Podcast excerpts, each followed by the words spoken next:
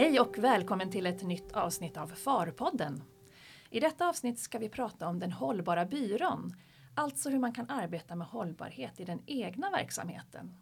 Och varför det kan vara viktigt när man sedan ska hjälpa sina kunder att komma igång med sitt hållbarhetsarbete.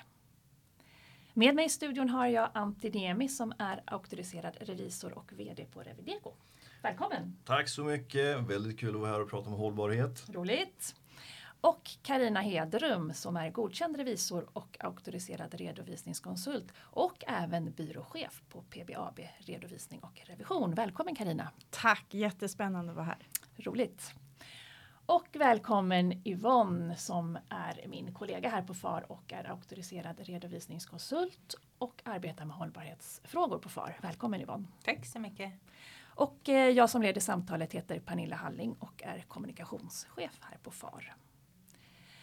Karina, jag tänkte börja med dig. När mm. man går in på ert LinkedIn-konto så förstår man att det här med att ta hand om personalen är väldigt viktigt för er. Mm. Um, och kan du berätta lite mer om ert arbete med den, just den sociala håll, hållbarheten? Ja, vi har alltid tyckt att det är jätteintressant och såklart jätteviktigt.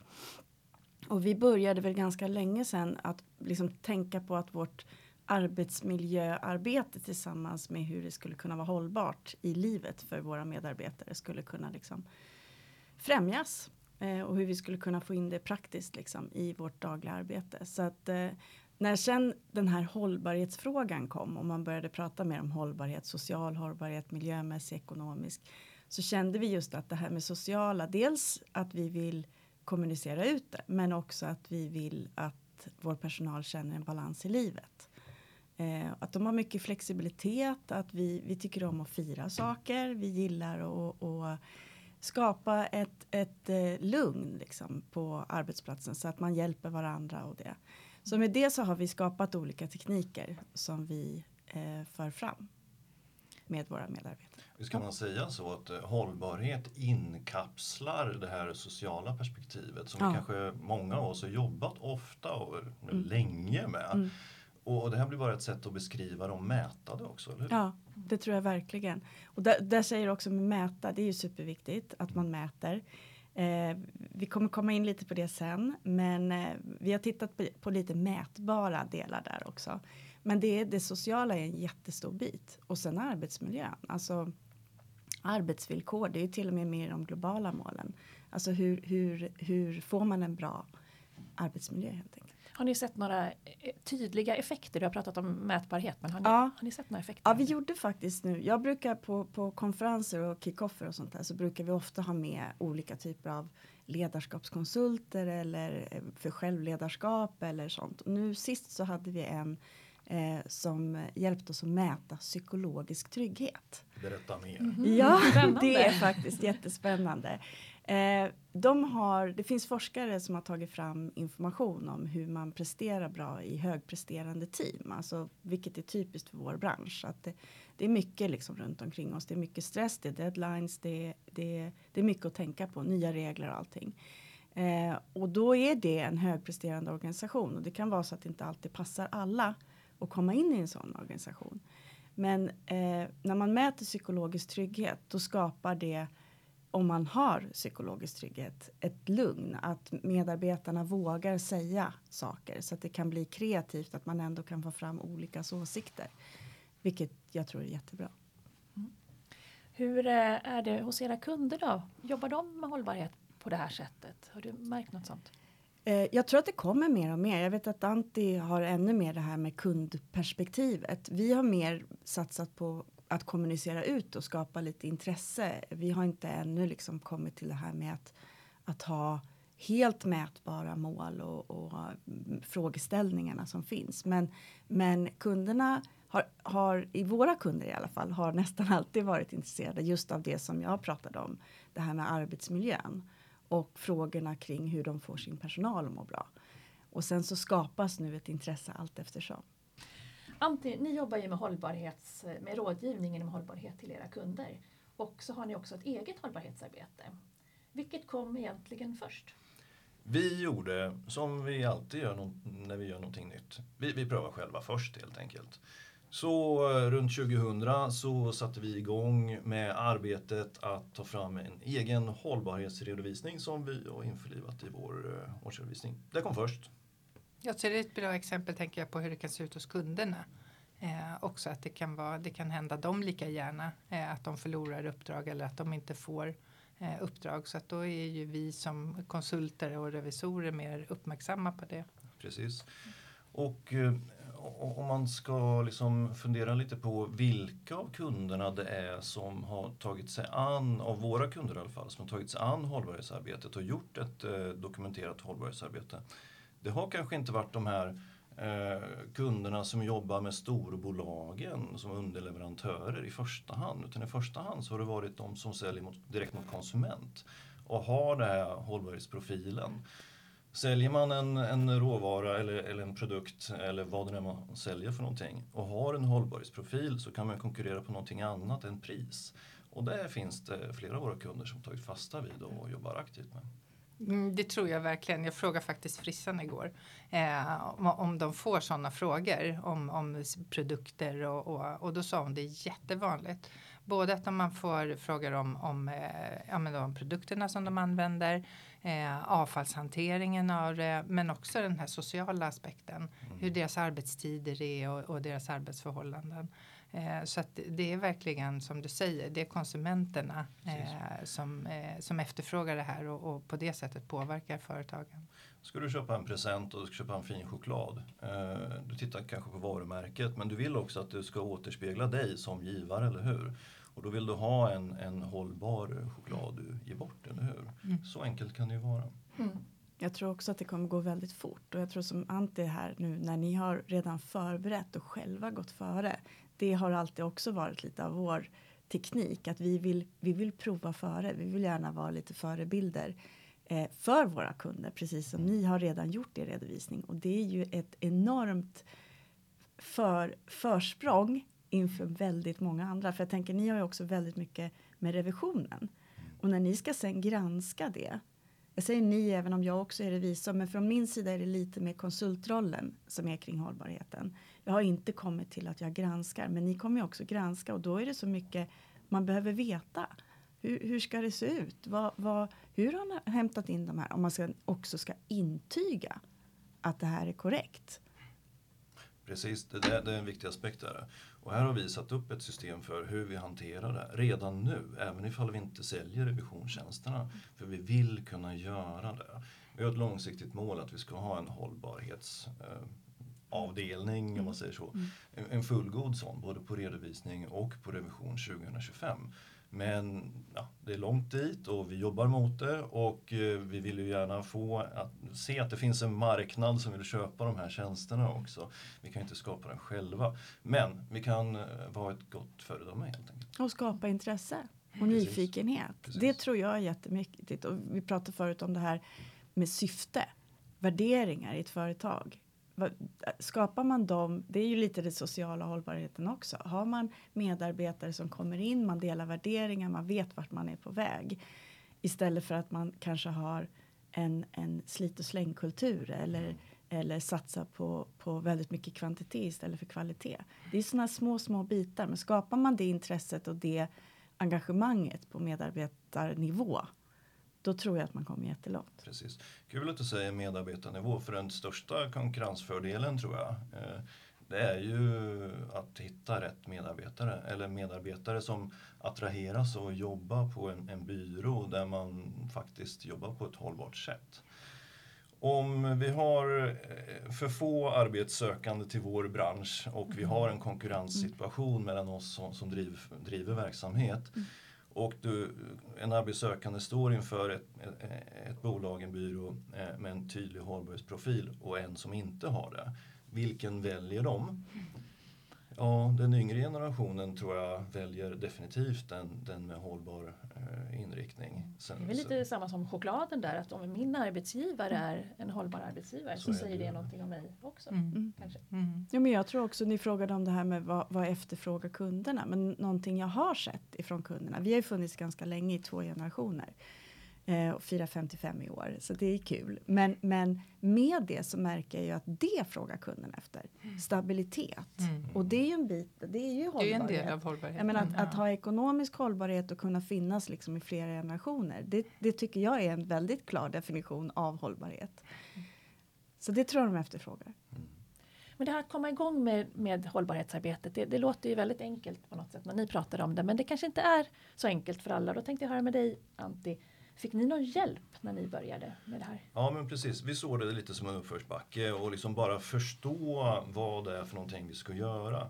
Eh, man får ju inte glömma bort att det finns en väldigt massa olika begrepp, olika lagar, olika regler och, och navigera i det här, det var inte jättelätt. Så vi tog hjälp och vi har hjälp fortfarande med, med de lite mer krångliga frågorna och utvecklingen. För det sker ju hela tiden en utveckling i regelverket och vilka bolag som omfattas och vad de omfattas av, vilka som ska revideras och när de ska revideras och hur det påverkar de som inte omfattas och så vidare.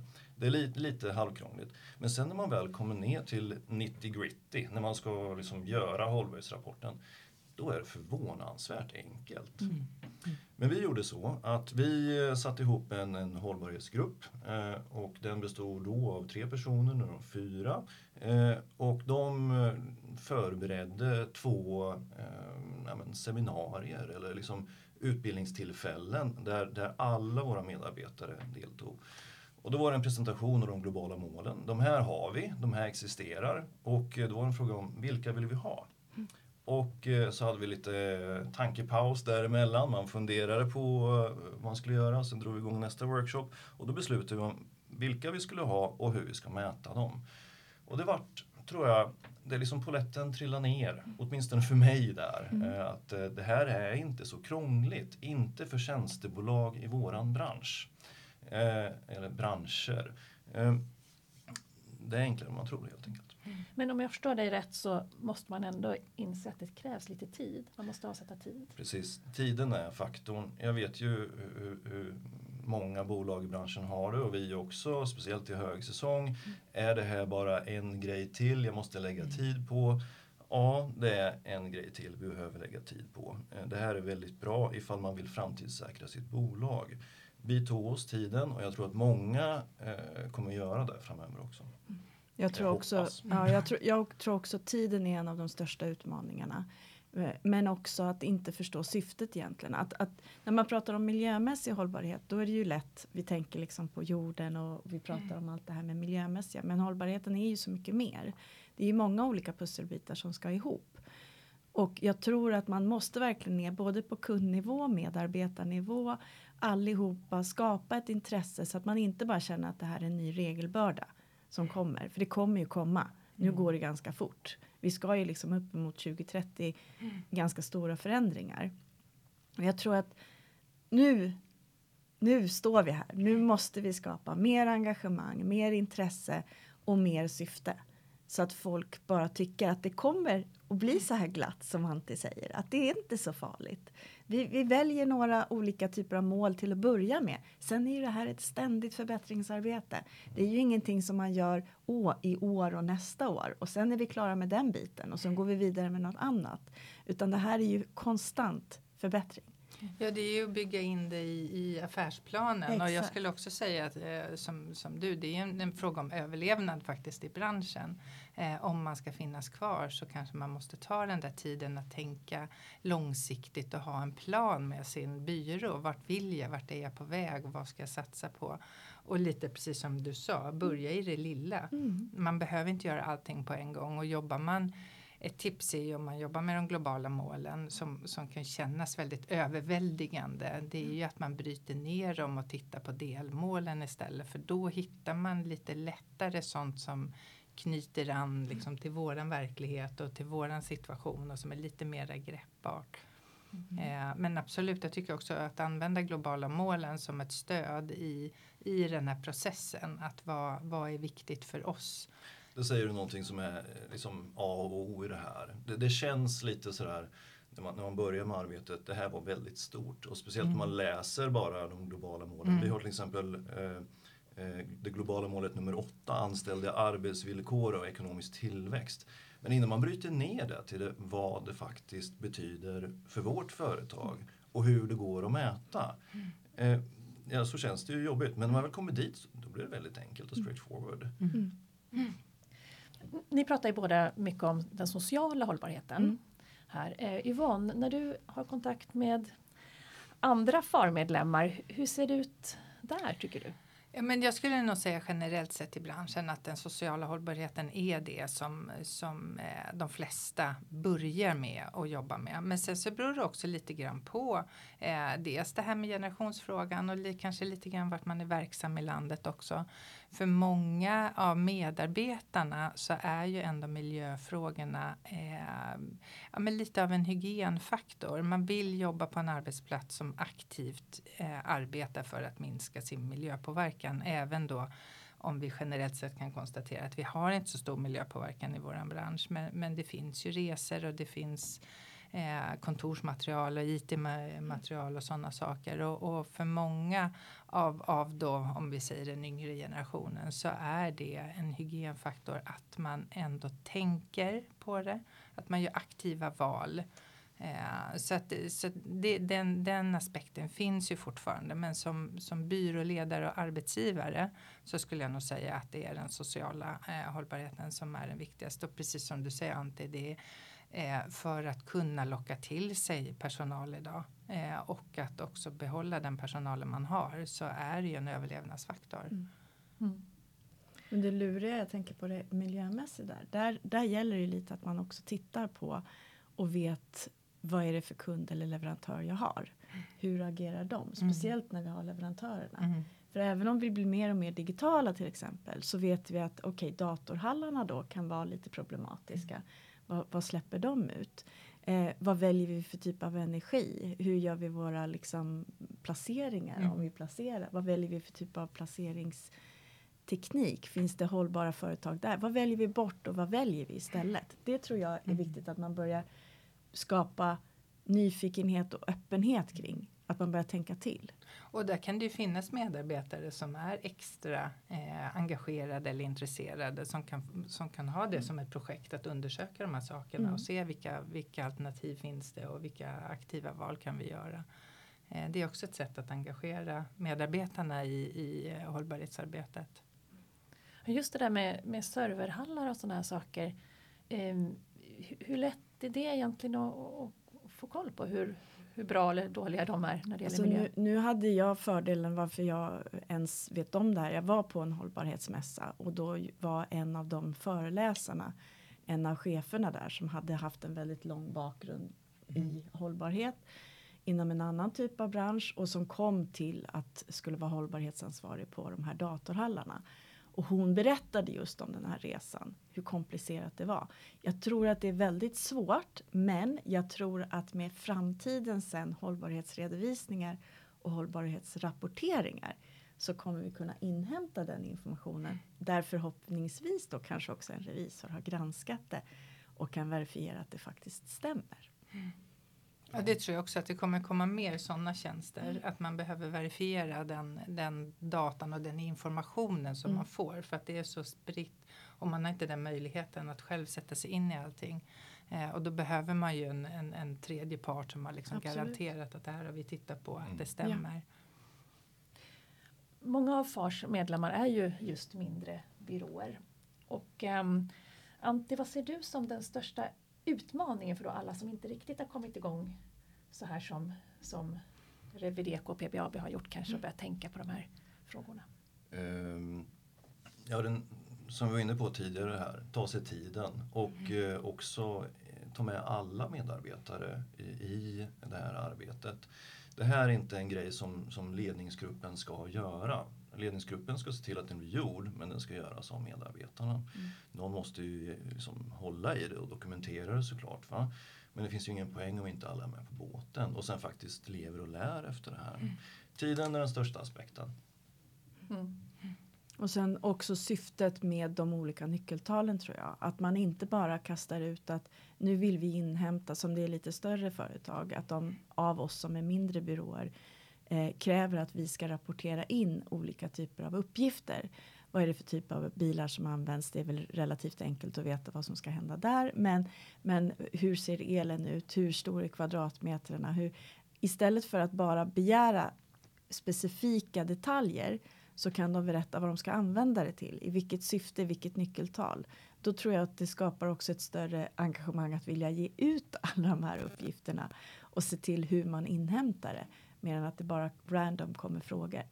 Här sker det kanske en, lite av en game changer hos olika leverantörer som levererar till de större bolagen som omfattas av regelverket som kickar igång. Är det nu halvårsskiftet 2023 eh, eller är det nästa halvårsskift? Nästa. Nästa mm. halvårsskiftet 24. Bra, då har vi det på plats. Mm.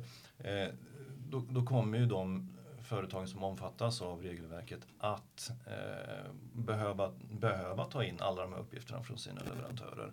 Och det kanske omfattar oss också, eller hur? Som mm. levererar eh, tjänster till, till de större bolagen. Ja, och man går liksom bakvägen att de större bolagen har de här kraven på sig. De kommer inhämta information från sina underleverantörer. Mm. Underleverantörerna är våra kunder mm. eh, kund, och de börjar ställa frågor till oss. Ja, Då ja. måste vi vara förberedda. För att vi ska vara förberedda så är det lika bra att vi börjar med vår egen verksamhet som ni har gjort och skapar oss den den erfarenheten och, och, och, och tryggheten då att våga jobba med de här frågorna när man har gjort det själv. Så att jag skulle säga att det, det är hög tid att börja. Mm. Man skulle kunna säga att idag så är det ett, kanske ett försprång att jobba med de här frågorna. Men i framtiden kanske det är en nödvändighet. Mm, mm, absolut. Mm. Nu har vi pratat rätt mycket om hållbarhetsarbetet, själva hållbarhetsarbetet. Men om vi tittar lite på redovisningen av hållbarhet. Vad ska man då tänka på som ett litet företag Yvonne?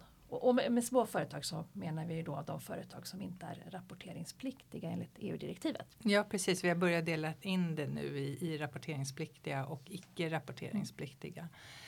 Eh, jo men det är ju viktigt att man inte bara eh, jobbar med de här frågorna utan att man också kommunicerar det. Eh, och till, alltså till byråerna skulle jag säga börja med att skapa en rubrik på hemsidan som heter hållbarhet och sen fyll på vartefter med det man gör. Men börja med att tala om att man tycker att det är viktigt och att man har startat upp ett projekt för det är bara det gör skillnad. Eh, och sen så handlar det ju mycket om att eh, lagkraven ligger ju på de stora rapporteringspliktiga företagen. Och där kommer det väl bli nu lite grann i två olika läger. Att dels kommer vi ha eh, de för mindre företagen som rapporterar hållbarhet eller redovisar sitt hållbarhetsarbete för att de eh, det hållbarhetsarbete som man vill bedriva därför man tycker att det är viktigt och man har, har eh, prioriterat vilka frågor som man vill jobba med. Men sen så kommer vi också ha de företagen som kanske inte bryr sig så mycket om att jobba med, med hållbarhet men som kommer bli tvingade att ta fram hållbarhetsdata för att det kommer efterfrågas. Eh, och där blir det ju också två olika typer av redovisningar där vi kan egentligen, eh, tänker jag, hjälpa i, i båda, eh, i, i, båda områdena. Dels är vi experter på att ta fram data eh, och vi är bra på att analysera så vi kan vara steget före eh, och hjälpa kunderna att sätta upp de systemen så att de kan leverera, ta fram och leverera den här datan som kommer efterfrågas då utsläpp och, och ja, kopplat till resor och transporter och inköp till exempel. Men sen är vi ju också bra på, på hela den här processen kring att, att liksom sammanställa information. Eh, och då ska man ju ha med sig att eh, Ja men det som man redovisar det ska ju vara trovärdigt. Eh, alltså det ska vara balanserat. Man ska inte bara prata om, om eh, möjligheterna och det man är bra på utan man ska även lyfta sina utmaningar. Eh, både positivt och negativt. Vad har man för, för man kanske där påverkan kanske man fokuserar på den negativa påverkan miljö socialt men man kan ju också ha en positiv påverkan genom att kunna göra skillnad och genom att stärka den finansiella eh, hållbarheten till exempel. Men så att man, man är balanserad i, i sin redovisning men också vara transparent med processen.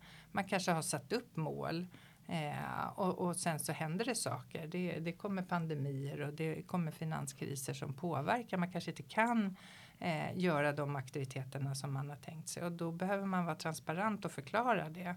Eh, så att det inte blir den här greenwashingen att man lovar eh, och, och, och, vill framstå som, som eh, väldigt eh, miljömässiga eller väldigt hållbara. Men eh, inte, att det inte finns något belägg för det. För det tror jag att man kan se en väldigt stor skillnad nu att de som läser hållbarhetsredovisning eh, de ser igenom det där. Man vill se fakta, man vill se hur det går på riktigt. Man vill inte höra de här fina orden. Eh, utan man vill se vad är det, hur tänker vi, vad har vi för mål, hur tänker vi nå de målen eh, och vilket resultat kan vi visa just nu. Och där är ju vi liksom redan hemma. Det...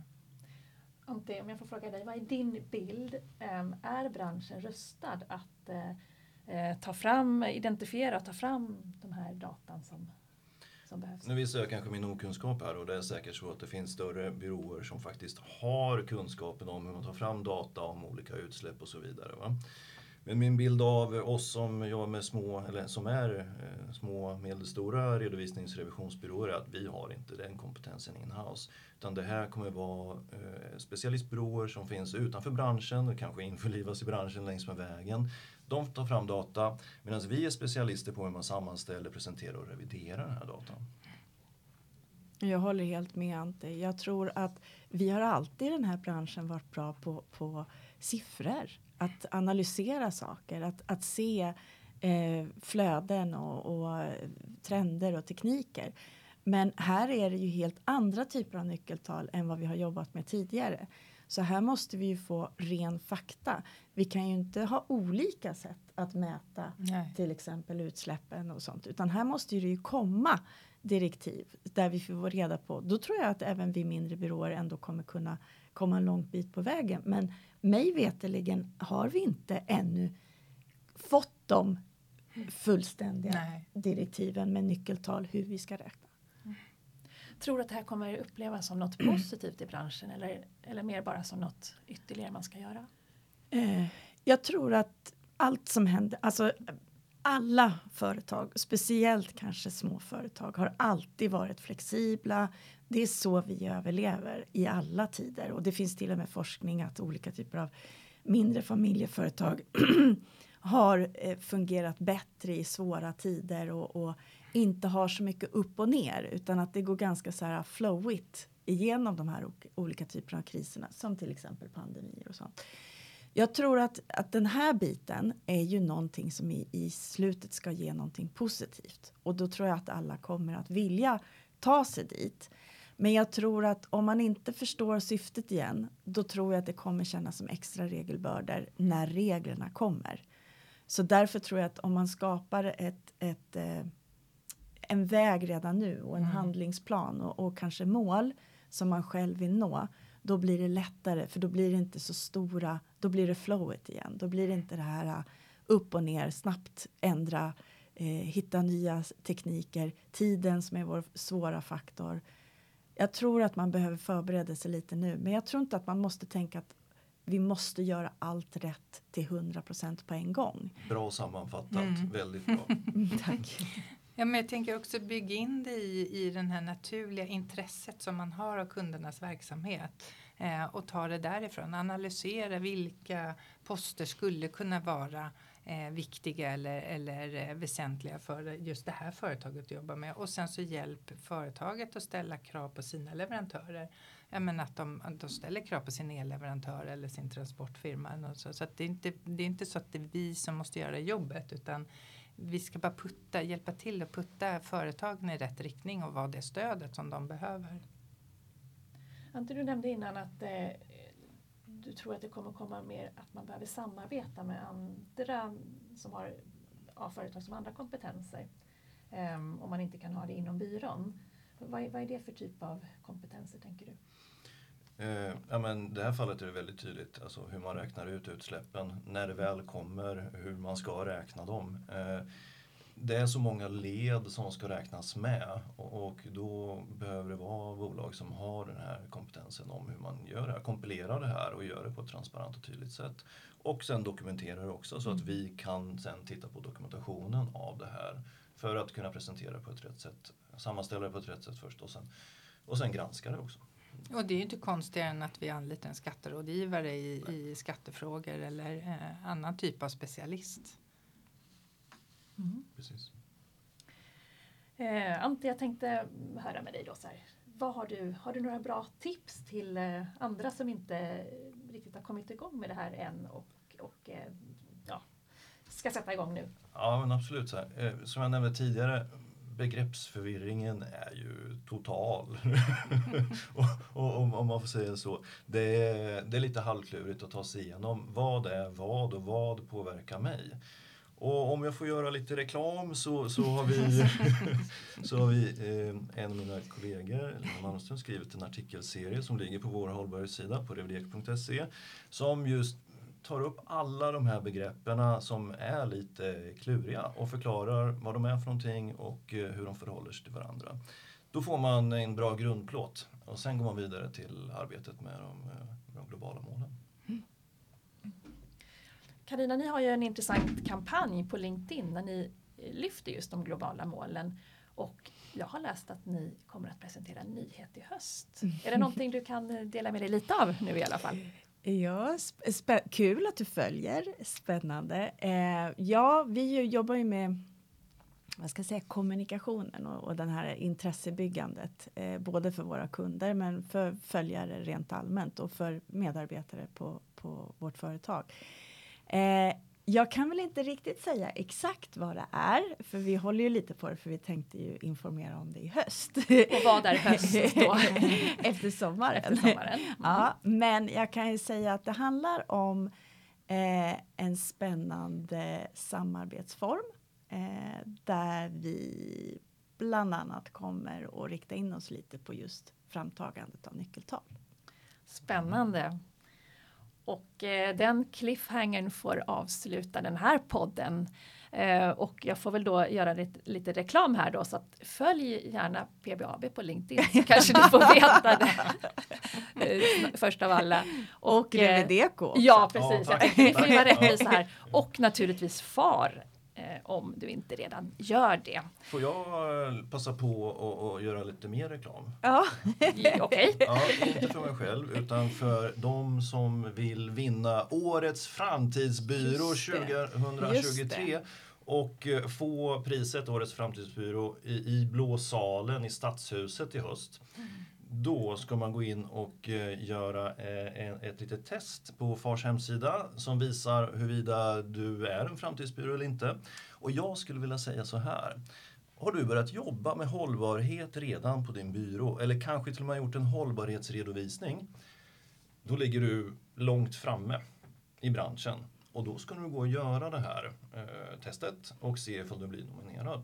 Så ja, får vi se om vi sy- ses i juryarbetet. Jag sitter nämligen i juryn och vi vi vill gärna få in fler som, som eh, söker. Och Ja. du måste Jättebra. flagga för datumet där också, för Just det var ju det. special Antti. Ja men precis. I år är det ju väldigt tidigt. Det är den 11 juni som man måste ha gjort det här, den här eh, testet på Fars hemsida.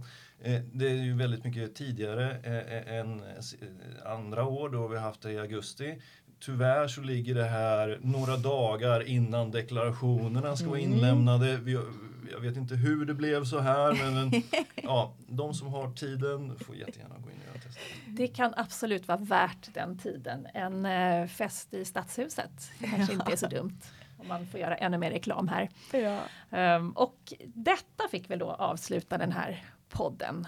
Så att gå in och gör Fars framtidstest och ha chansen att bli årets framtidsbyrå och en fest i Stadshuset.